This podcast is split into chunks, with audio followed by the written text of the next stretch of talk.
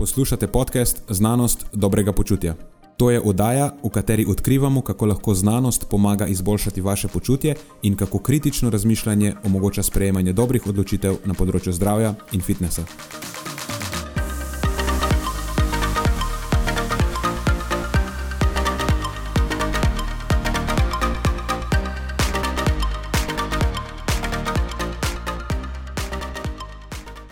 Pozdravljeni, z vami smo Nenad in moj sovoditelj Matjaš. Glavne teme tokratne epizode so vpliv mediteranske ali keto diete na glikemijo pri prediabetikih oziroma diabetikih tipa 2, vpliv nizkohidratne diete na kortizol in testosteron, ter pregled nevarnosti kontaminiranih prehranskih dopolnil, ki so trenutno prisotna na trgu. Preden začnemo, pa se moram zahvaliti še našim sponzorjem. Zaenkrat to še vedno ni velika korporacija, temveč zvesti poslušalci, ki nam izkazujete zaupanje in podporo s prijavo v našo člansko skupino Znanost dobrega počutja. Hvala vsem, ki s tem držite luči prižgane in omogočate podkastu, da raste in postaja še bolj kakovosten. Hvala tudi vsem, ki nas podpirate s pozitivnimi komentarji in visokimi ocenami, ter s tem, da priporočate podcast svojim znancem in prijateljem. Zdaj pa je končno čas za začetek epizode. Uživajte ob poslušanju.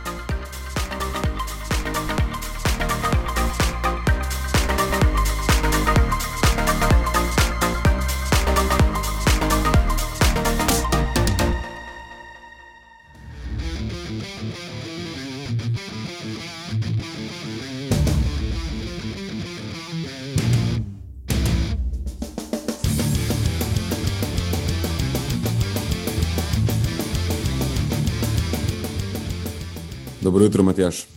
Dobro jutro, Nena, vidim, da si razpoložen. Ja. To je taka glasba, ki me eh, spominja, kot da bomo šli v bitko. Je to tako tik pred finalom? Mogoče. Moja tema je, da je spet taka, malo kombativ. A ja, je, si predstavljam. Imamo dve zadevi v ringu. Uh -huh. okay. Jaz imam tudi dve zadevi v ringu, sicer malce krajše narave. Ne, če si tok kombativ, no, bomo videli, mogoče pa. Okay. Drugače, koga zanima hud komat, Unholy Confessions, Avenge Sevenfold. A smo prišli v ta del podcasta, ko bomo začeli dajati uh, glasbene uh, rekomendacije in, in, in filmske in podobno. Čakaj, kako prišli? A ni to že stalnica, par epizod? A je, sploh opazili so. Se je vsako epizodo komad na začetku. A to je res, to je res. Ok, vidim, da si še malo zaspan, te bomo hitro zbudili. Dajte, dajte alkaloidi še niso naredili svoje. Imáš kakšno novost, aktualnost? Mm, ja, lahko naredim en hiter update o eni temi, o kateri smo se pogovarjali že, že precej epizod nazaj. To je bila uh, Nocturija. Uh, sam tako malo, malo uh, update o tem, kako je ta stvar napredovala pri meni. Uh, če se spomniš, mogoče lahko, bilo, ja. mogoče lahko najprej poveš, kaj to je. Ja, to je v bistvu izraz, o katerem si me ti izobrazil, ker pravzaprav sploh nisem vedel, da obstaja. to je uh, tako zelo pogosto uh, uriniranje po noči, oziroma tendenca potem, da, greš, da ostaneš večkrat, greš na VC in to je zelo uh, moteče, ker pač negativno vpliva na samo kvaliteto spanja, si najbrž lahko predstavljate, zakaj.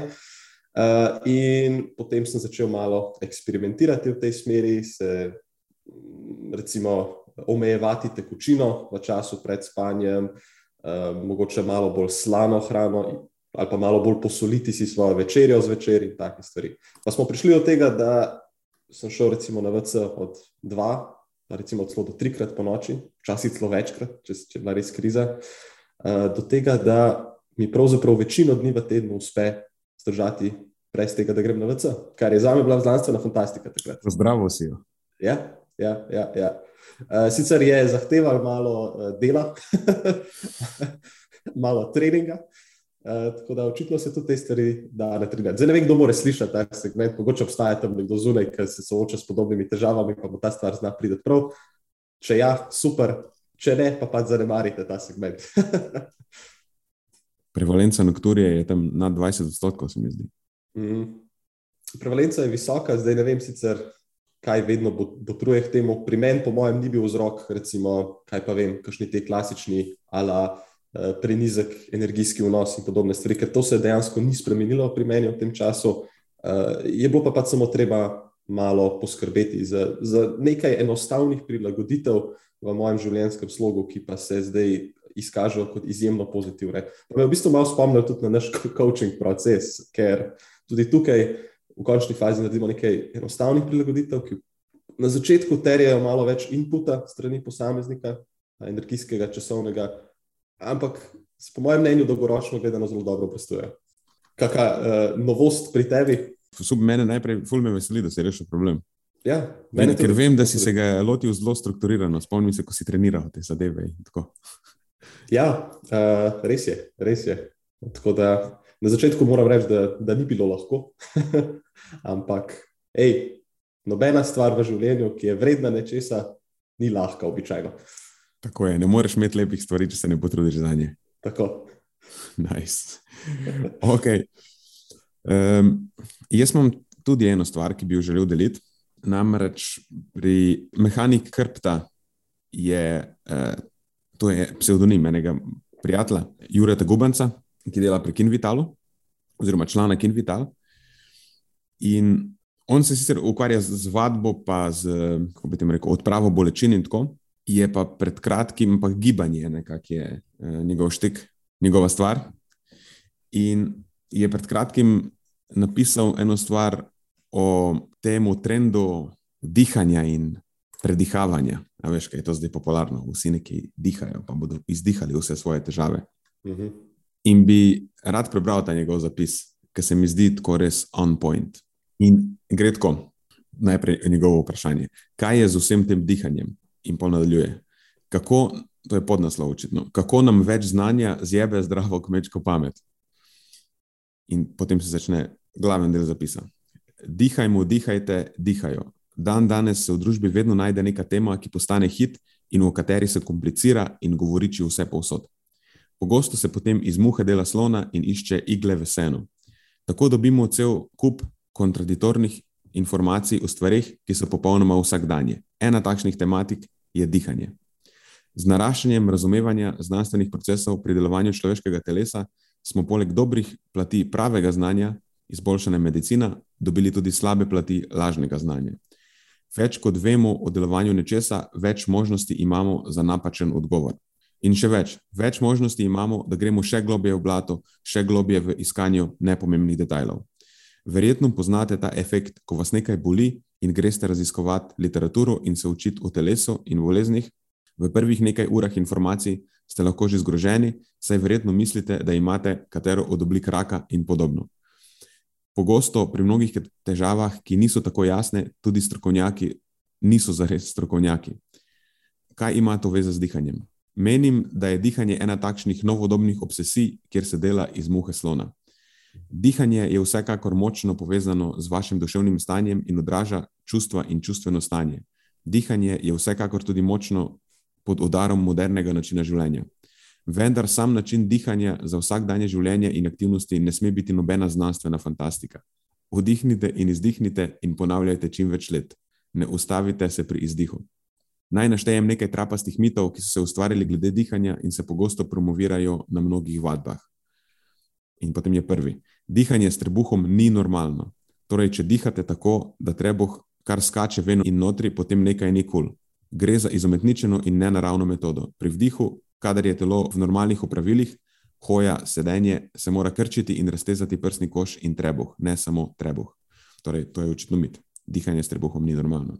Namreč pljuča se nahajajo za rebri v prsnem kožu. Zakaj potem samo premikate trebuh? In potem je drugi. Vlečenje popka notri ves čas je trapasto. Še en nenaraven nasvet, da morate popek vleči notri. Zakaj bi to počeli? Ja, ker se je nekdo tako spomnil in meni, da lahko nasprotuje tisočletni evoluciji človeka. Tretji. Dihanje skozi usta je normalno, kadar ste utrujeni in lovite sapo. Če ste utrujeni in lovite sapo, potem boste morali dihati tudi skozi usta. Tako boste dobili dodaten kisik, ki ga potrebujete. Ni pa normalno, da ves čas dihate z odprtimi usti. Preprosto dihajte skozi nos, kadar le lahko. Kljub mnogih, mnogim dihalnim tečajem in neprestanim predihavanjem sem ter tja, pa opažam, da ljudje še vedno v poplavi informacij ne znajo osnovnega dihanja, medtem ko držijo bremena. Recimo, kadar nosite težko vrečo v roki, takrat večina ljudi ne zna držati stabilnosti hrbtenice in hkrati normalno dihati. Ljudje bodi si držijo tako imenovan valsalva manever in zadržujejo dih, ali pa dihajo trebušno, medtem ko držijo breme. Redko kdaj se pa naučijo za res uporabnega znanja učvrstitve trupa oziroma držanja bracinga in dihanja hkrati.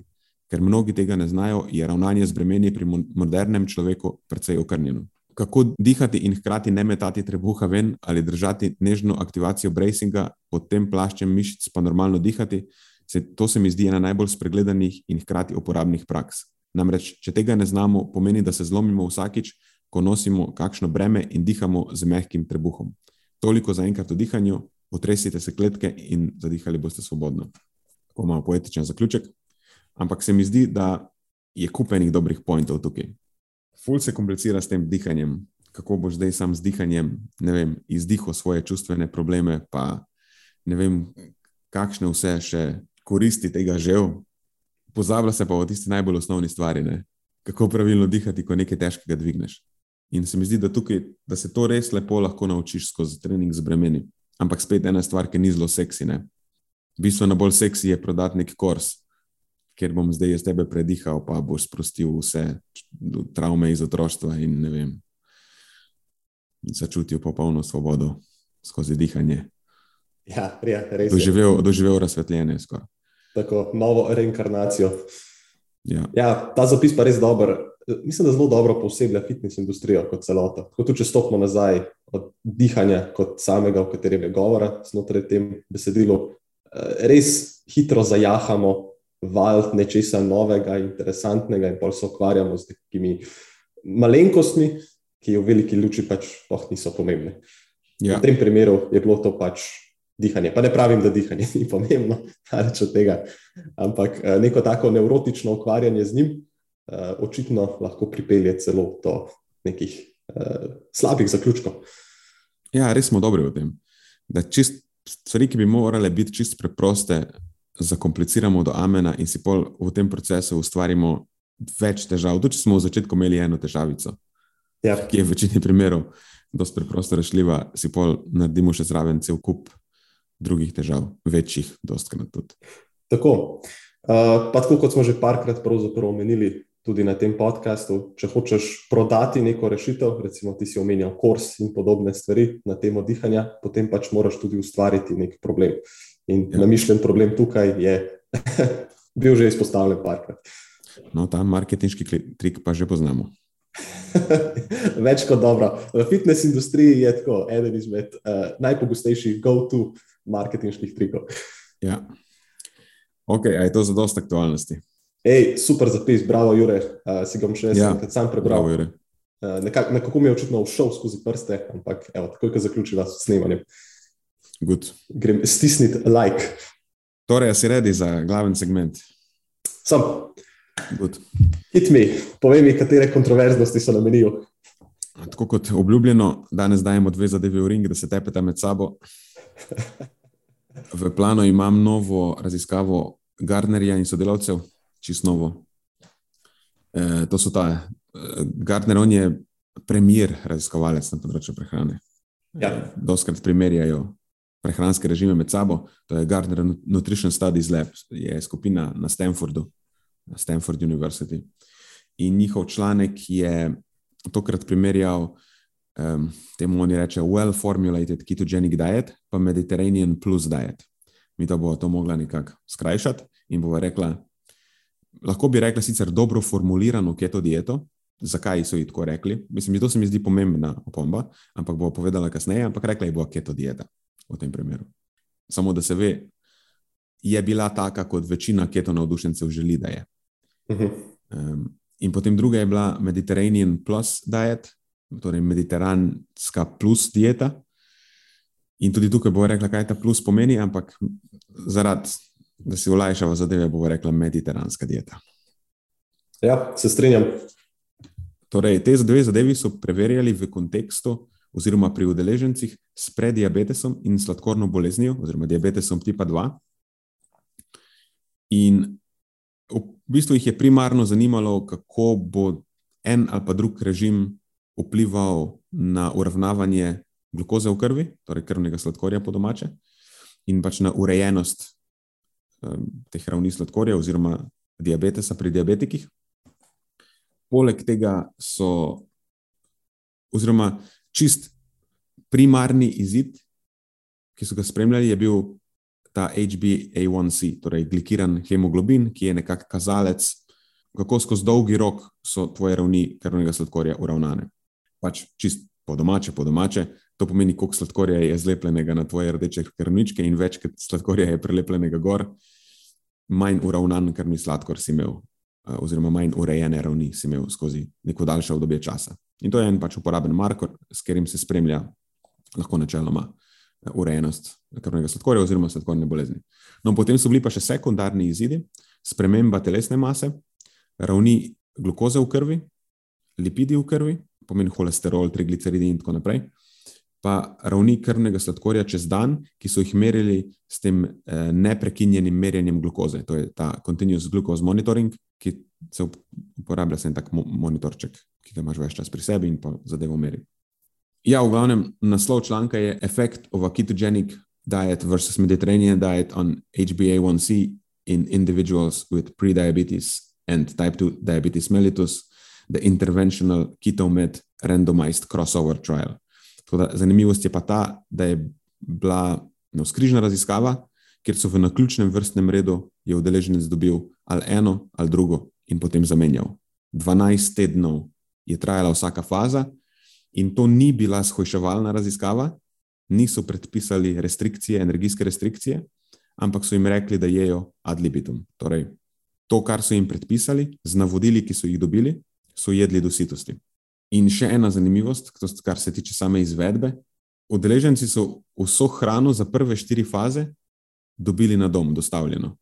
Sicer niso vedeli, koliko um, niso se ukvarjali z računanjem, koliko energi, po energijski vrednosti hrane vsak potrebuje, ampak so jim dostavili nek eh, klasičen komplet. Ocenili so, da bo 2800 kalorij približno dovolj za vsakega, glede na to, da to niso bili zelo telesno dejavni ljudje. Ok, zdaj, kaj loči dejansko te dve dieti? V osnovi so oni izpostavili tri ključne točke, tri podobnosti, pa tri različnosti. Pač tri podobnosti sta, sta to, da obe vključujeta neškrobnato zelenjavo, oziroma predpisujeta večje količine tega, predpisujeta izogibanje dodanim sladkorjem, izogibanje rafiniranim žitaricam, potem pa so še tri različnosti: vključevanje stročnic ali pa izključevanje stročnic, torej pri keto, keto dieti, vključevanje sadja oziroma izključevanje sadja pri keto dieti pa vključevanje polnozrnatih žit, oziroma spet pri keto dieti, izključevanje tega. In kot že rečeno, preverili so vpliv na nadzor krvnega sladkorja, oziroma ne, urejenost ravni, urejenost sladkorne bolezni, pa dejavnike kardiometabolnega tveganja, telesna masa, presnovni profil, all that important stuff. Um, kar se tiče udeležencev, kdo so bili, poleg tega vemo, da so bili prediabetiki, pa diabetiki. Da, to, je, mislim, to je pomembna opomba. Gre za ljudi, ki imajo že moteno uravnavanje krvnega sladkorja. Ne, zato je mogoče priporočilo, ne mogoče, ampak se je precej smiselno priporočilo, da se omeji vnos dodanega sladkorja, recimo parafiniranih žit in tako. Ker to so že ljudje, ki ne morejo shajati s tem. Njihova, to je spet super po domače, njihova presnova je zmatrana že do te mere, da se s temi izbirami teže shajajo. Ne? In vemo, da to ni najbolj smiselno priporočilo za zdravega posameznika, pa v, tem kontekstu je dobro priporočilo. No, eh, kar se tiče zdaj potem izključitvenih kriterijev, ki nam marsikaj povejo o tem, kdo je bil vključen v raziskavo in kdo ne, torej kakšen je naš vzorec. Zanimiv izključitveni kriterij je bil telesna masa nižja od 50 kg, s tem so najbrž probali nekako zajeti tiste, ki so podhranjeni, da jih odstranijo. Indeks telesne mase nad 40 kg na kvadratni meter, pomeni, da so bili izključeni tisti, ki so res, kako se temu reče, morbidno debeli. Um, LDL holesterol nad 190 mg na deciliter, to je pri nas tam nad 4,9 mmol na liter, referenčne vrednosti so tam do 3,5. 4,9 je tako zelo visoko tveganje. Tako da tukaj so najbrž probali izključiti ljudi, ki imajo res deregulirano uh, presnovo maščob, pa tudi mogoče ljudi, ki imajo familijalno hiperholesteromijo in tako. Potem sistolični krvni tlak nad 160 pa, ali pa diastolični krvni tlak pod 90 mm živega srebra. Tako da tukaj spet so nekako dal stran, nekaj imajo zelo visokega, pa nekaj imajo zelo nizkega. Mm. Potem jemanje določenih antihiperglikemičnih zdravil, torej antidiabetikov, kot vem, inzulin, eh, agonisti glukagonopodobnega peptida 1, zaviralci natrija glukoznega prenašalnega sistema. Eh, mislim, da te tri zdravila so bila izključena, oziroma udeleženci, ki to uporabljajo, pa vsa, vsi, ki uporabljajo zdravila za izgubo telesne mase. Spet logično ne? in bi pač vplivalo na, na analizo. Lahko.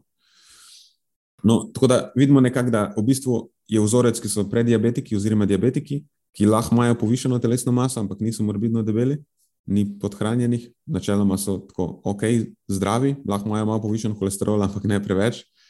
Um, se mi zdi, ker ok je vzorec no, za ta namen. Ker tudi vemo, da težko je dobiti zdaj, mislim, se ne moreš reči zdrave diabetike ne, ali pa prediabetike. Ampak tako, lahko pa vsaj pobrusiš po robovih, da nimaš nekih outlierjev noter. Tako da to je to. Um, kar se tiče pa zelo specifik interventnih diet, je pa ta well-formulated ketogenic diet, Od udeležencev so rekovajih, zahtevali, da v tej fazi dosežejo prehransko ketozo. Prehrana je bila predpisana 20 do 50 gramov ugljikovih hidratov na dan, beljakovine okrog 1,5 grama na kilogram telesne mase, ostalo maščobe. Dali so jim tudi te eh, keton monitorje, pa stripse, torej merili so si ravni ketonov v krvi na tešče in sedemkrat skozi trajanje te faze so jim dejansko vzeli vzorec krvi in pre, preverili za vsebnost beta-hidroksibutirata. To je tisto ketonsko telo, katerega ravni eh, v krvi se v ketozi v glavnem povišajo. Potem, kar je še relevantno pri tej well-formulated ketogenic diet, je to, da naročili so jim, da vzdržujejo zadosten vnos tekočin in višji vnos natrija in kalija, ker spet zaradi specifike tokine diete lahko pride do izpiranja teh dveh elementov in eh, ena izmed, eden izmed neugodnih učinkov, o katerem ljudje na ketogeni dieti, eden izmed mnogih, o katerem tudi poročajo, eh, je vem, vrtoglavica, pa taka letargičnost in to in doskrat na račun tega, da so pač v narekovajih izprani. Potem nadalje uživati so morali um, več kot tri porcije neškrobnate zelenjave dnevno, od sadja je bilo pa dovoljeno, dovoljeno v rekovajih, jagodiče. To so bile nekakšna glavna pravila. Eh, vse ostalo znotraj teh makrosov, kot so jim pripisali, je bilo go. Itak so pa vso hrano v prvih štirih fazah dobili, tako da so vedeli približno, kaj je ok in kaj ni. Um, plus, itak, še ena stvar. Uh, udeleženci so dobili tedensko prehransko svetovanje in izobraževanje. In to je bilo ponujeno strani registriranega dietetika in registriranega, temu so rekli, diabetes educatorja, torej nekoga, ki se razume v sladkorno bolezen in kako prehrana vpliva na to. In tisti, ki so izrazili interes ali pa so ocenili, da je to za njih potrebno, so dobili tudi ekstra svetovanje in to do trikrat tedensko. Tako da so res bili deležni lahko intenzivne podpore, če so to rabili. In vse vemo, kaj je namen raziskovalcev v zadnji za tem, da pač vzdržujejo za dosto visoko mero te adherence oziroma sodelovalnosti, ne, da ljudje upravijo te stvari do konca, da imajo na koncu kompletne podatke, ki jih je možno analizirati. Ker če nekdo ne sodeluje pri tem, potem na koncu odpade in če jih odpade preveč, na koncu lahko vse skupaj vrže v smeti. In še ena zanimivost je ta, da je zadeva potekala, potekala med pač COVID-no krizo. Tako da je tudi en cel segment, kako so rešili te težave, ne, kako so vzdrževali stik z udeleženci kako so jim nudili več podpore, eh, tudi da so dobili hrano na dom, ne, da je niso rabili eh, dokupovati. Tako da se mi zdi, da so vse, kar se tega tiče, dosta elegantno rešili zadeve in zaradi tega kakovost raziskave ni bistveno trpela. Njihovo življenje, predvsem življenje raziskovalcev, je bilo malenkost bolj komplicirano, ampak so dosti dobro rešili probleme. No, kar se pa tiče te Mediterranean Plus diete, eh, je pa v osnovi bazirala na klasični piramidi mediteranske prehrane, Eh, je bilo pa dodano navodilo za izogibanje dodanega sladkorja in rafiniranih žit. In to pomeni plus v tem Mediterranean plus, ker načeloma mediteranska dieta ne izključuje dodanega sladkorja in rafiniranih žit. Res je, da to niso živila, ki so predpisano pogosto namenijo takrat, ampak jih ne izključuje v osnovi. Drugače so pa do, dobili navodila tako v splošnem, da uživajo prehrano, ki temelji na vseh vrstah zelenjave, vključno s kromnato, stročnicami, sadjem, polnozrnatimi žiti, oreščki in semeni. Ribe so bile njihov glavni vir beljakovin, olčno olje pa glavni vir dodanih maščob. In tako to, to je nekako v grobem opis teh dveh režimov, so pa strani spet svetovalce dobili bolj konkretna priporočila, ne, pa podporne materijale, kako stvari izgledajo na krožniku. Ampak v glavnem, približno si najbrž predstavljaš, kako so zadeve izgledale. Ja, absolutno. E, tako da, ja, tako so, tudi tukaj so že rekla, dobili so vso hrano za prve štiri tedne vsake faze, potem ostalih osem tednov so furali sami na podlagi tega, in protokol ni predpisoval energijske restrikcije oziroma izgube telesne mase. Ne, to ni, ni bila shojševalna raziskava. Zdaj, kar se tiče spremljanja njihove prehrane, na keto dieti so, kot že rečeno, merili ketone v krvi, pa spremljali so, da so res v ketozi, eh, torej da njihovo telo proizvaja ketonska telesa. E, s prehrano so pa spremljali s temi dietary recalli, e, tudi večkrat vmes. Tako da so vzdrževali neko konsistenco tega, da so vedeli, da približno, ker recimo za med, mediteransko dieto nimaš podobnega markerja. Zdaj pri keto dieti je dost preprosto izmeriti, da je človek v ketozi. Pač zmeriš mu ketone v krvi. Ne? pri mediteranski dieti nimaš nekega takega markerja, da bi lahko dejansko ugotovil, ali se on drži tega ali ne. Eh, lahko ga samo vprašaš. Ampak ocenili so, da je bila v bistvu sodelovalnost zelo visoka. Eh, in da tudi, to je zdaj že sicer rezultat, ampak na tej točki lahko povem, ker je relevanten, ni se razlikovala v sami fazi raziskave, se med intervencijama ni eh, razlikovala. So bili lahko podobno dosledni na obeh režimih. So se pa zadeve kasneje malo spremenile, ampak to še pride na vrsto. Mm, zdaj, kar se pa tiče samih udeležencev, eh, v analizo jih je bilo na koncu vključenih 33 z kompletnimi podatki, okoli 40 jih je bilo na začetku vključenih, malo več se mi zdi. Eh, tako da nekaj jih je odpadlo, tudi z povezanih zapletom s COVID-om in tako, ne samo zaradi nesodelovalnosti, ampak večina, mislim, da zaradi nesodelovalnosti. 61 odstotkov je bilo moških, 45 odstotkov belcev, 85 odstotkov so bili ljudje z visokošolsko izobrazbo, college level educated po angliško. 61 odstotkov jih je imelo prediabetes, 39 odstotkov diabetes tipa 2. Stari so bili od 41 do 77 let, eh, srednja starost je bila 60,5 let, pomeni, da so bili tako starejši ljudje, niso bili starostniki še, ampak starejši ljudje. Eh, indeks telesne mase so imeli od 22,7 do 39,7 kg na kvadratni meter. Tako da, kar razponno, od zdrave telesne mase pa vse do roba morbidne debelosti. Ja, tako da zelo smiselno, da so naredili tisti izključitveni kriterij, ki sem si mhm. govoril na začetku, ker sicer bi bil razpon še bistveno večji. Lahko. Ja, gledaj, Amerika. Amerika, ja. ja. Uh, eh, okay. Zdaj pa, kar se tiče samih rezultatov, Tako kot rečeno, adherenca oziroma sodelovalnost, kako dobro so se ljudje držali tega, je bila pri obeh dietah podobna. Uh, višja je bila na začetku, takrat, ko so hrano dobili, in potem je sčasoma nekako upadala. Um, no, na tej točki bi pa zdaj omenil še eno stvar. Po skupnih 24 tednih, torej po 12 tednih vsake faze, je potem sledilo še 12-tedensko follow-up obdobje. Torej obdobje, kjer so jih spremljali, da pač v tem času udeleženci delajo, kar sami želijo, samo spremljali so jih, da vidijo, kaj se dogaja z njimi, predvsem merili so njihovo prehrano. In so gotovili, da večina teh udeležencev se je potem držala nečesa, kar je bolj podobno Mediterranean plus dieti. Tako da, veš, imeli so možnost potestirati oba dva režima, in na koncu se jih je večina odločila za nekaj, kar bolj spominja na mediteransko prehrano.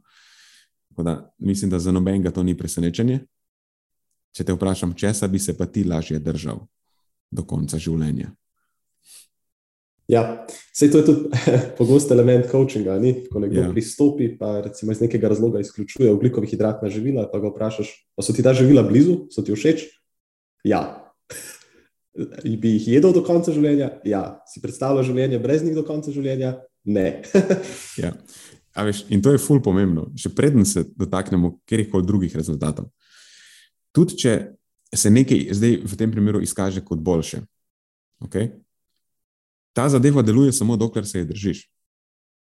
In če imaš dve stvari na mizi, in recimo, da obe dve delujeta, potem moraš zbrati tisto, kjer se lahko držiš. Ker če se ne moreš držati, pol ne deluje. Ja, Ne, absolutno. s tem v mislih. Ok, zdaj pa res, kar se tiče uh, samih rezultatov. Spremljali so prehrano, smo rekli, zanimalo jih je, kako to vpliva na neko tako sp- splošno kakovost njihove prehrane, oziroma vnos esencialnih hranil, oziroma vseh hranil, ki so pomembna za zdravje, za vzdrževanje dolgoročnega zdravja, za dolgoživost in tako. In zdaj pri mediteranski plus dieti ni prišlo do nekih bistvenih sprememb. Uh, nekoliko so povečali vnos, mislim, da vlaknin, folata, vitamina C, pa magnezija. Uh, je, do, bolj, je prišlo pa do bolj občutnih sprememb na keto dieti. In prišlo je do spremembe, sicer so povišali vnos vitamina E, pač na račun najbrž sožitih maščob, ker je vitamin E v maščobi topen vitamin, sploh če so jedli ve- veliko oreščkov in raznih dodanih olj, to je precej pričakovano. So imeli pa nižji vnos tiamina, folata in železa, in v primerjavi z mediteransko plus dieto, tudi vlaknin, vitamina C in magnezija. Eh, Tako da nasplošno, kar se tiče vnosa sploh esencialnih mikrohranil, ne zgleda dobro no, za keto dieto. Pač splošna kakovost prehrane se je poslabšala, tudi višji vnos nasičenih maščobnih kislin, ki je pol povezan z enim izidom spodaj, ampak nekako sama kakovost prehrane se je tukaj spremenila na neugoden način. To je, pač, to je ocena raziskovalcev in to bi bila tudi moja ocena. E, Kar se tiče pa primarnega izida, torej glikiranega hemoglobina, se je glede na izhodišče znižal pri obeh načinih prehrane, ampak ni bilo razlike med skupinama. Torej, obe dve vrsti prehrane sta znižali glikiran hemoglobin, brez razlik med dietama. Tako Obe dve delujeta na podoben način. Ne? Ko imamo v mislih ta marker, ki je nekako najbolj splošen, ki nam pove o tem, kako dobro je uravnana sladkorna bolezen, v primeru, če ima nekdo sladkorno bolezen ali pa nasplošno glukoza v krvi. So bili pa rezultati bolj, recimo, da so bili zanimivi. ne, Sploh če upoštevaš, da kar se tiče glikiranega hemoglobina, ni bilo razlik. Znižanje povprečnih ravni glukoze v krvi, to je tisto, kar so pridobili z neprekinjenim merjenjem glukoze, torej merijo zadevo tako praktično cel dan in pa vzameš povprečje tega, eh, se je pokazalo spet pri obeh dietah, obe dve sta funkcionirali za ta namen, ampak je bilo večje pri keto dieti. Ne, torej, povprečje se je bolj znižalo pri keto dieti, tako da to je recimo bolj ugoden rezultat. In potem je ena mera, ki se ji reče time in range, to je odstotek časa, ko so imeli udeleženci ugodne ravni krvnega sladkorja, torej znotraj predpisanih vrednosti, glede na njihovo stanje. In tudi ta se je povišal pri obeh načinih prehrane, ampak bolj pri keto dieti. Tako da, ko potegneš črto, obe dieti sta ugodno vplivali na uravnavanje glukoze v krvi, ampak keto dieta je bila v manjši prednosti. Je pa tako, ko pogledaš številke, ta prednost statistično značilna, klinično relevantna, ne bi rekel. Um, Nenad, eh, poslušalci nažalost ne vidijo tvojega skeptičnega obraza, ko podajaš te rezultate. ja, veš, kaj to so to, tako enomestne številke vmes, to, mislim, oziroma celo decimalke. To je, ne vem, no, mislim, razlika je zdaj v številki. Ne, ne, na, na dolgi rok ne vem, kakšen bi to dejansko uh, res imelo učinek. Sploh, če upoštevaš razliko, ki se je zgodila od izhodišča na zdaj. zdaj sa, veš, ta razlika je bistveno bolj relevantna kot potem una marginalna razlika med obema režimoma. Tako. In potem- če upoštevaš dolgoročno adherenco, ker Tako. če nekdo ne bo tega držal do konca, potem kaj je potem smisel? Plus, če upoštevaš druge stvari. Prvi je tudi, ki smo ga že omenili, neugoden vpliv na samo kakovost prehrane, ne, ki je bil očiten pri keto dieti, ki je načeloma precej neugodno vplivala na vnos esencialnih mikrohranil. Druga stvar, omenila so nasičene maščobe. Um, keto dieta je vodila v statistično značilno zvišanje LDL holesterola. Res, da, se znižal, da so se znižali tudi trigliceridi, sicer spet pri obeh dietah so se znižali trigliceridi, ampak pri keto malo bolj, ampak ta, to je spet nerelevantno. Življenje oziroma zdravje ni tekmovanje v tem, kdo ima niže trigliceride. Pač bili so normalni v obeh primerih. Tako da to, da je za par decimalk bilo pri keto dieti niže, je pa vsem nerelevantno. In tudi nič posebnega se ne zgodi, ko imaš zelo, zelo nizke trigliceride. Ker ti low carb supporterji dostkrat fantazirajo o tem, kako ja, če imaš full nizke trigliceride, pol LDL holesterol, ni škodljiv. To je potegnjeno, veš odkje. Uh -huh. To, to ni utemeljeno na ničemer konkretnem. LDL holesterol, visok LDL holesterol je tako od ničesar drugega odvisno. Od ničesar. Samo ta stvar sama po sebi. Lahko si najbolj zdrava riba v morju. Ampak, če imaš povišen LDL holesterol, imaš povišeno tveganje za razvoj srčno-žilnih stanj, ker je zadeva vzročno upletena v razvoj ateroskleroze. To je tako, vse to so že rekla, ustanovljeno dejstvo. In tudi nobeni puhasti delci, in whatever, pač še karkoli, nima veze tukaj. Če imaš visok LDL holesterol, razen če nisi nek outlier, imaš tudi večje število delcev.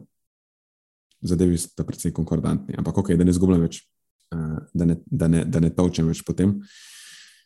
Pač zvišanje LDL holesterola na keto dieti, dočim na mediteranski dieti je LDL holesterol se znižal. Tako da po eni strani imamo ugoden vpliv na presnovni profil, oziroma tisti del presnovnega profila, ki je najbolj tesno povezan z srčno-žilnim zdravjem, torej ugoden vpliv mediteranske plus diete, in na drugi strani imamo neugoden vpliv keto diete. Torej, pomagala jim je marginalno boljše uravnavati ravni krvnega sladkorja, ampak je zjebala njihovo srčno-žilno zdravje. Ne, ne vem, če sem pripravljen plačati to ceno za, za marginalno boljše in najbrž klinično nerelevantne razlike pri uravnavanju glukoze v krvi. Absolutno, jaz vem, da je nisem. Ja. No, še ena zanimiva stvar na koncu je bila pa uh, razlika v izgubi telesne mase, ki je bila večja spet pri keto dieti. Uh, to, to je bilo, zato je bilo nadzorovano v analizi, brez skrbi. Um, eh, tako da niso rezultati, boljši rezultati keto diete pri uh, ne, uravnavanju glukoze v krvi, niso na račun telesne mase, so, so nadzorovali za to zadevo. No, 6,9 kg v povprečju na keto dieti in 4,9 kg na mediteranski dieti. Tako da je občutna razlika v 12 tednih, ne bi mogel reči, da ni, ampak uh, ker to, te spremembe niso spremljali z nobenimi zelo sofisticiranimi metodami, se sprašujem, koliko tega je dejansko na račun znižanega vnosa ugljikovih hidratov in ne s tem povezanega znižanja, pač ki pride z. Do redukcije vode v telesu. Tako, tako, točno to. To sicer ne vem. Ampak spet, Zanimivo, sicer ni bila shujševalna dieta, ampak očitno je sprememba prehrane na ta način vsem, ne vemo, da je bilo veliko teh, ki so imeli povišeno telesno maso, koristila. Zihar je, bila, je bil bolj nasiten način prehrane, kot so ga bili vajeni prej. Ja, očitno, ko se lotiš nekega takega bolj strukturiranega režima prehranevanja, tudi če v osnovi ni bilo mišljeno za redukcijo telesne mase, se pač to zgodi. Ja. Um, in tudi, keto dieta načeloma je lahko dosta nasitna, mislim, poleg tega, da je odvratna, da ne moreš to pojesti. je, tukaj zdaj sicer pride moja pristranskost, ampak obljubim, da sem maksimalno objektivno ocenil ta članek. Mislim, gor ali dol, zdaj če smaram to ali pa ne. uh, ampak mislim, da je tudi tako, je, mislim, a mi je kdo nasprotoval, kaj je bilo okusno, a da lahko ješ hidrate ali da jih ne smeš. Unke mi bo rekel, da je bolj okusno ne jesti hidrata, pa da v tem fuluživa, ga lahko sem pošljem nek, nekam, da, da mu dajo diagnozo. Ni normalno, veš, mislim, sprenevedanje je. Ok, da, da, da ne zabluzim preveč na tej točki, ki sem ustal, malo sem se zmedel.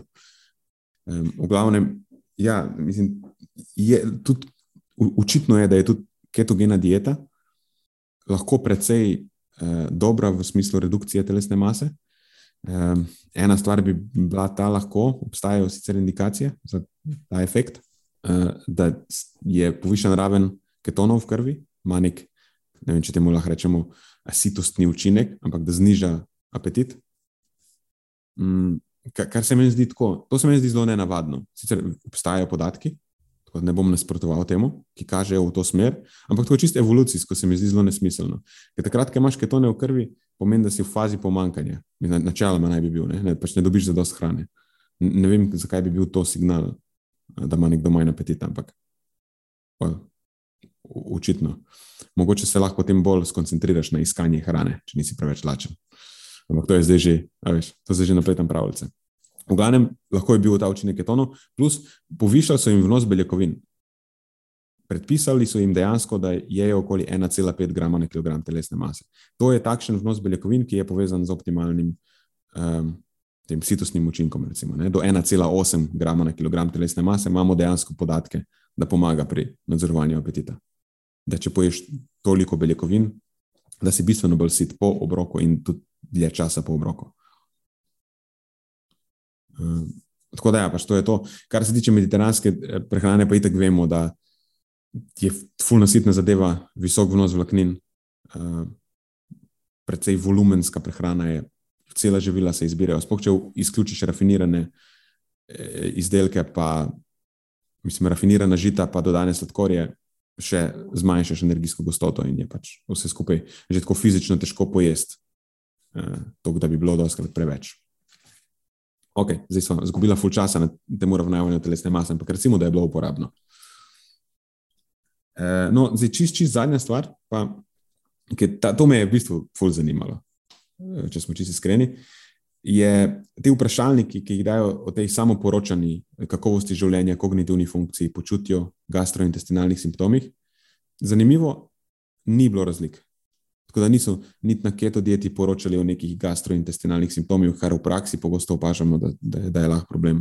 Ne, niso recimo opažali, da bi se počutili bolj lucidni na nek, nekem načinu prehrane, ne, da bi lažje razmišljali, ker to je pa ena stvar, recimo, ki je ljudje poročajo, da je pozitivna stvar, pozitivni stranski učinek uh, ketogene diete, rečejo, da imajo nekako bolj čiste misli in tako.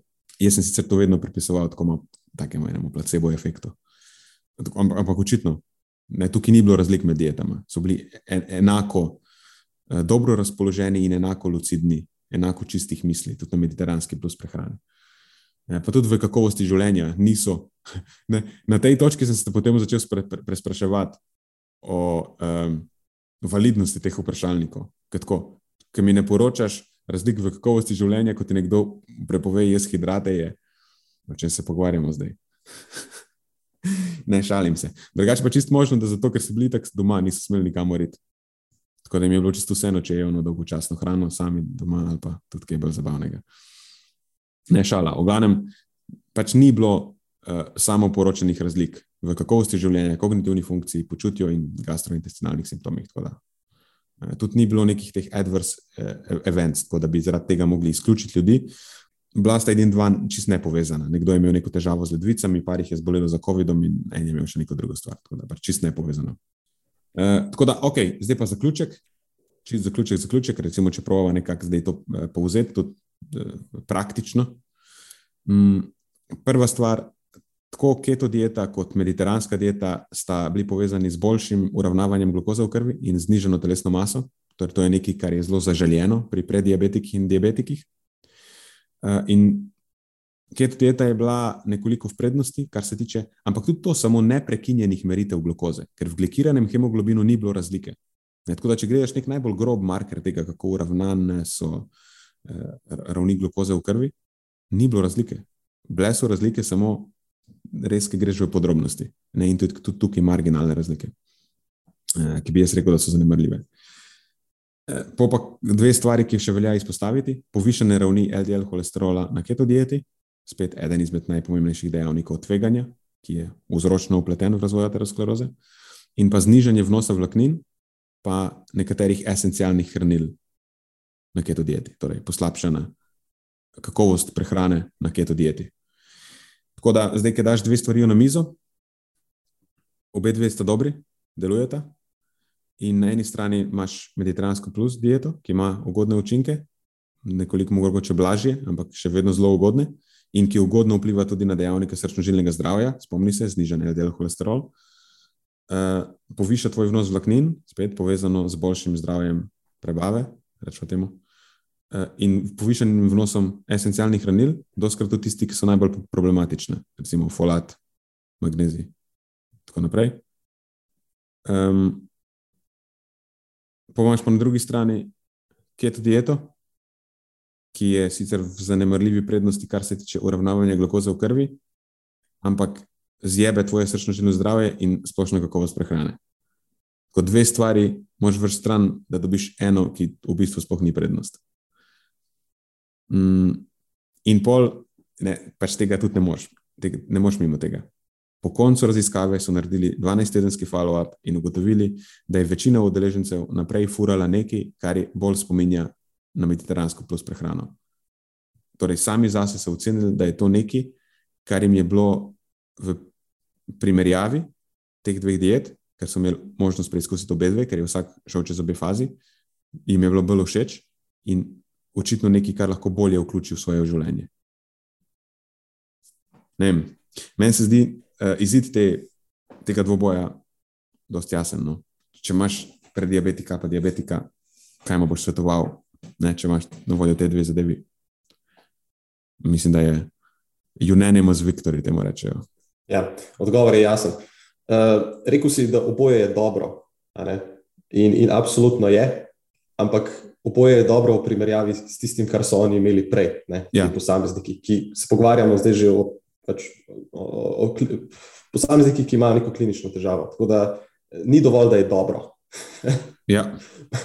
Mora biti tudi dolgoročno vzdržno, um, mora poskrbeti za hranilno zadostnost in, in še vse te ostale stvari, o katerih se govori. Tako da se strinjam, da je mediteranska dieta mislim, da zmaga na vseh točkah. In mislim, da na tej točki še ena pomembna stvar, ki jo velja izpostaviti, je ta, da temu se sicer reče mediteranska plus prehrana zdaj. Ampak tudi neka, um, vse kaj pa je to? V bistvu gre za nek vzorec prehrane, ki tako sledi ustaljenim smernicam. Viš, visok vnos rastlinske hrane, polnovrednih žit, stročnic, sadja, zelenjave, pusti viri beljakovin, vir omega-3 maščobnih kislin, ribe kot glavni vir beljakovin, um, dodana olja, pretežno nenasičene maščobne kisline. Veš, to ni nek poseben, specialen način prehrane, ki bi te kakorkoli omejeval v tvoji prehrani. Pravzaprav lahko ješ vse z nekaj manjšimi omejitvami. Ne? Pač v tem primeru so jim omejili predelana živila. Ampak na splošno ni nobene posebne omejitve. Veš, to, to se lahko, temu ne rabiš sploh reči mediteranska plus prehrana. Temu samo lahko rečeš, v rekovajih, zdrava prehrana plus. Uh mhm. -huh. Gre za nek tak zelo, ne vem, se mi zdi smotrn način prehrane. Tako, oziroma eh, sledenje nekim ustaljenim prehranskim smernicam. Ja, exactly. točno tako.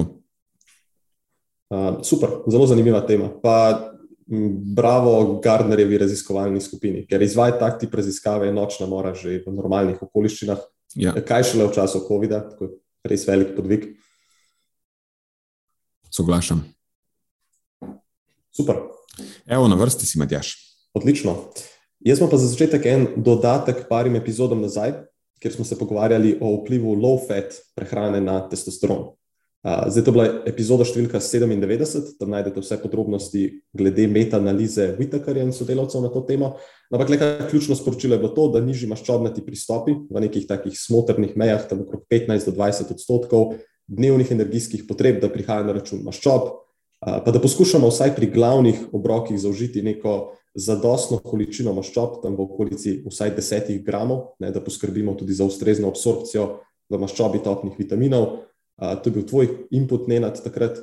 Um, pa mogoče bilo še ključno sporočilo to, da večina ljudi v moderni prehrani tudi nima težav s premalo maščob, oziroma da je praviloma velja ravno obratno. In da če je to problem, da je to pogosto problem znotraj enega večjega problema, ki pa je prenizek dnevni energijski vnos na splošno. In takoj, ko poskrbimo za to, se tudi maščobe um, uredijo pod narekovaj. Mislim, da je to to. Ne vem, ne, če sem kaj izpustil na to temo. Ja, No, ampak um, kmalo po snemanju te epizode sem naletel še na eno meta-analizo uh, in to od istih avtorjev, uh, ki pa se mi zdi, da se zelo dobro pari skupaj s tem prvotnim člankom in sicer meta-analiza ponovno od Whitakerja in sodelavcev naslovljena Low Carbohydrate Diets and Men's Cortisol and Testosterone, Systematic Review and Meta-Analysis. Skratka, dobro se pari s tistim prvotnim člankom, zato ker nam predstavi še drugi konec spektra, o katerem se po mojem mnenju redkeje govori.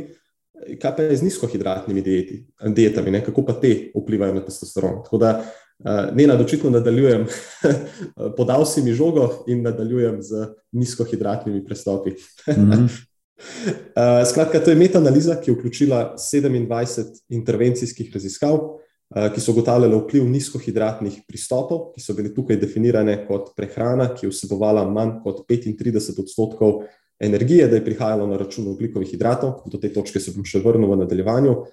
In skupno je bilo preko 300 udeležencev v vseh teh raziskavah. Tako da mislim, da so nabrali precej soliden, um, precej soliden vzorec, na podlagi katerega lahko izpeljemo nekaj ključnih točk.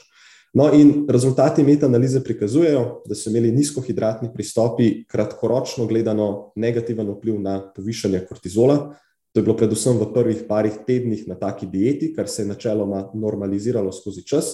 To je bil kortizol v mirovanju, še vedno pa so raziskovalci poročali o dalj časa trajajočem in višjem porastu kortizola po vadbi, specifično po telesni dejavnosti. Zdaj, kaj točno je tukaj mehanizem, nisem prepričan, očitno je nekako treniranje v tem uh, nizkohidratnem stanju bolj uh, stresno za telo, morda, ne vem, nima niti veze, če smo čisto iskreni. Uh, bolj me bolj stikko hotel osredotočiti na samo vpliv na testosteron, ker ti pristopi so prav tako imeli izrazito negativen vpliv na testosteron v mirovanju in sicer v povprečju za približno 150 nanogramov na deciliter. Sam tako, da postavim te številke malo v kontekst. Če se ne motim, je neka normalna referenčna vrednost za uh, odraslega moškega tam v okolici 300 do 900 nanogramov na deciliter. In to je bil tudi približno 4 do 5 krat bolj izrazit negativen vpliv na testosteron napram low-fat prehrane v prejšnji metanalizi, vidite, kar je sodelavcev. Uh, tako da e, to je kar velik negativen vpliv. No, sem malo presenečen, če sem čisto iskren.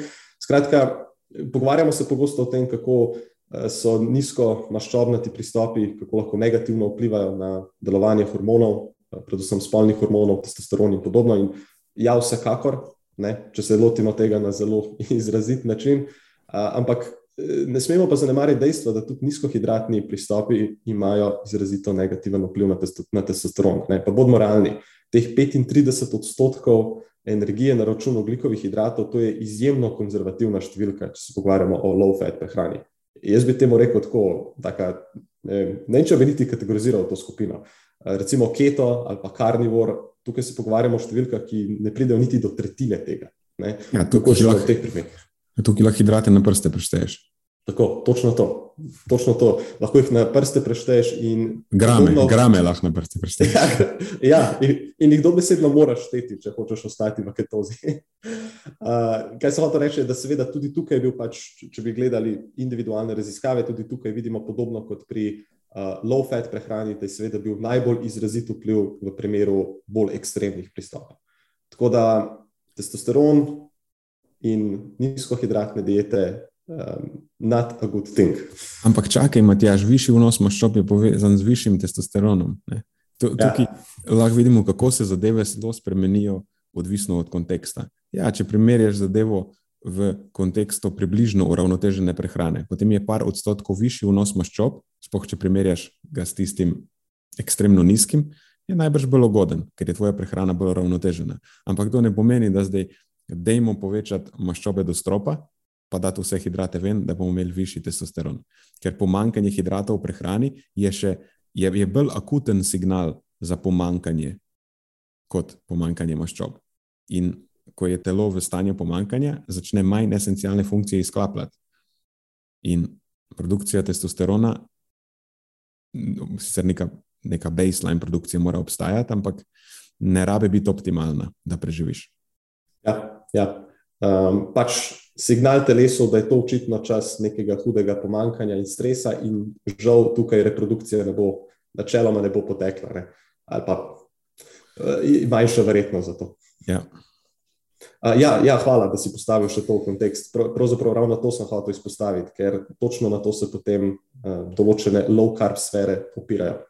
Uh, ja. Zelo pomembno je postaviti stvari v kontekst. v bistvu ekstrapolirajo, ne?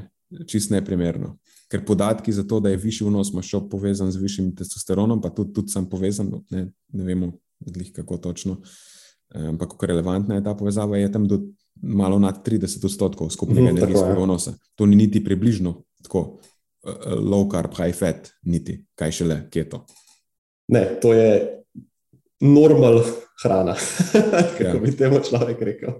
ja, v bistvu je potem to uh, nekako breakdown, kako se reče. To je tisto razmerje, ki je značilno za sodobno prehrano. In sodobna prehrana je hkrati tudi energijsko zelo bogata.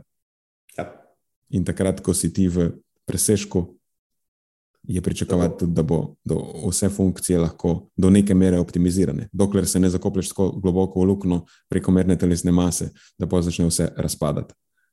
Tako, kar je pa spet problem sodobnega sveta, pogosto. Ja. Tako, evo, sam hotel sem dodati še tale dodatek, tistemu delu se mi zdelo nekako smiselno. Imam pa, imam pa še eno raziskavo na pladnju. Poj. Zelo na hitro, eh, tako bi padlo v uč nekaj o prehranskih dopolnilih. Eh, in sicer eh, raziskava od eh, Kozi Harova in sodelavcev, naslovljena Dietary Supplements as Source of Unintentional Doping. Eh, letošnje leto je ta pregledni članek išel, temelji pa na 50 raziskavah, ki so preučevale prisotnost nedeklariranih spojin v prehranskih dopolnilih. Uh, in skupno se je v teh 50 raziskavah nabralo preko 3000 preučevanih prehranskih dopolnil različnih proizvajalcev iz uh, primarno iz Združene države Amerike, nekaj je bilo tudi iz Evrope, in kar 28 odstotkov, oziroma 875 dopolnil, med njimi je bilo odkritih, da vsebujejo nedeklarirane substance. In meni se je zdela to neverjetno visoka številka, oziroma da moramo reči temu nespremljiva številka, čeprav nažalost na nek način pričakovana. Uh, tako da, Nenad, uh, kaj misliš, katera izmed teh nedeklariranih substanc uh, je bila najpogosteje odkrita? Je nek testo booster ali pa pre-workout. Absolutno, absolutno. Testo boosteri, pre-workout izdelki, tudi fat burneri, ti so bili na glavnem meniju, na glavni tapeti. No, in med temi nedeklariranimi substancami so se najpogosteje znašli različni anaboliki, uh, Pa zanimivo, ena substanca se je pogosto znašla, imenuje se subitramin, pa da sem to pravilno izgovoril, ki se sicer koristi za zaviranje apetita in je bila seveda izključno najdena v dopolnilnih za hujšanje oziroma v fat burner izdelkih. No, ampak med drugimi pogostejšimi substancami pa so našli še efedrin, našli so D, DMAA in to seveda v pre-workout izdelkih, ne, mm -hmm. ki druge pa le. Um, skratka, nekako znova in znova dobimo potrdilo, ne, kako pomembno je koriščenje dopolnil, ki ima vsaj neko obliko neodvisnega testiranja. Na vsakem primeru bi rekel, da je to dobra praksa, kaj šele v primeru kakih športnikov, kjer so v igri doping testi in padec na enem izmed takih testov bi lahko dobesedno ogrozil njihovo športno kariero. Uh, tako da moje mnenje po prebiranju literature je, da se take substance sicer pogosteje znajdejo na ameriških trgih kot pri nas uh, ali pa vsaj od proizvajalcev Združenih držav Amerike, ki jih seveda tudi pri nas prodajamo. Sam to pa ne pomeni, da je stanje pri nas tako izrazito, izrazito boljše. Tako da pač bodite pazljivi, no, to je mm. nekako namen tega segmenta. Ja, veš, ironično je na koncu, da se vsa ta dopolnila prodajajo kot veš, povišajte svoje ravni testosterona na naraven način, ali pa ja. uh, hujšajte hitreje eh, naravno, ali pa ja. whatever. In po, vsaka od teh zadev vsebuje točno tisto substanco, ki se ji probaš izogniti, da bi vseeno dosegel svoj cilj hitreje. Ne, ja. Najbolj učinkovito in najhitreje bi bilo, da pač uporabiš to direktno, v odmerku, ki je pač primeren temu. Tako. Zdaj pa, po eni strani se slepiš, full naravno delam, pa imaš pa zraven še kontaminirano to stvar, točno s tem, česar se probaš izogniti. Točno to. In še, še, mislim, tudi še enkrat, kako zelo pomembno je, da zbiraš kakovostna dopolnila in tista, ki so dejansko eh, neodvisno preverjena, ne, ki imajo nek certifikat eh, neodvisne preverbe v čistosti, tako informed sport, kaj Kölner liste in tako naprej. Kölner liste, tako je. Um, pa še en komentar sem pa zasledil na to temo, oziroma večkrat sem ga zasledil v stilu. Uh, Jaz, jaz pa bi kao imel pol take stvari, ne točno zaradi tega, veš, češ, to je zdaj nek loophole, da pa lahko dobim pol te stvari noter. Ne, ne želiš si tega. Mislim, kaj s tabo narobe? Sploh ne vem, kako ne odgovorim na to vprašanje. Ja. Ne veš, kaj dobiš, ne veš, v kakšnih količinah dobiš. Poleg tega, velika verjetnost, da dobiš zraven tudi kaj uh, strupenega, a ne, mislim, kaj drugega kontaminiranega, če se ja. želiš v telo. Um, ne se igrati s svojim zdravjem za tistih, ne vem, kaj smo, par odstotkov telesne maščobe ali kar koli že pač. To je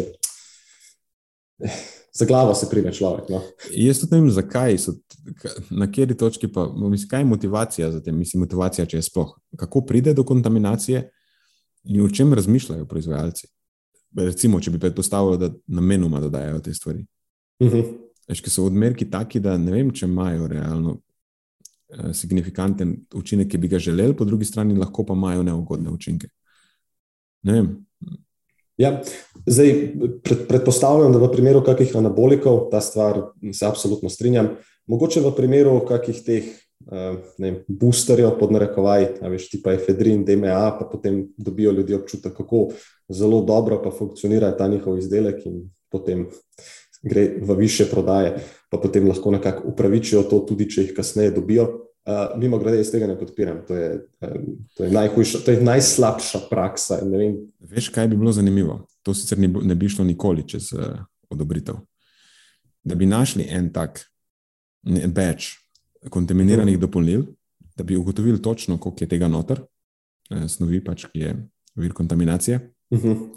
In bi potem najdli en več istega dopolnila, ki ni kontaminirano, ki je noter samo to, kar deklarira, in bi izvedli intervencijo, ker bi eni skupini dali kontaminiranega, drugi pa navadnega, in bi potem ugotavljali, kako to vpliva, recimo, na testosteron. Me, me res zanima, če bi potem una druga skupina, če bi bila razlika med obema skupinama, ker lahko da je to motivacija.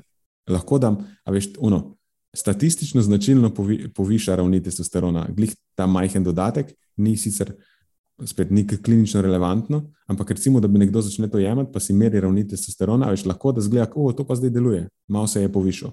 Itak nima veze, spoh na koncu, da se ti je povišal, uh mhm. -huh. ampak tebe prepriča številka, da si zaznal povišanje. Ker dodajaš ga v telo, razumeš, Mislim, kako se ne bo povišal.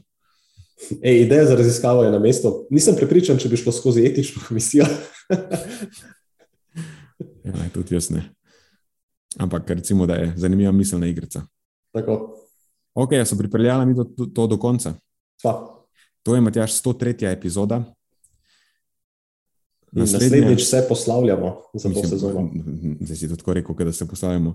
E, za to sezono. za to sezono. To je, za, naslednja epizoda bo zaključek druge sezone. Ja. 104. Dve leti podcasti. Wow. Ja. Kdo bi si mislil?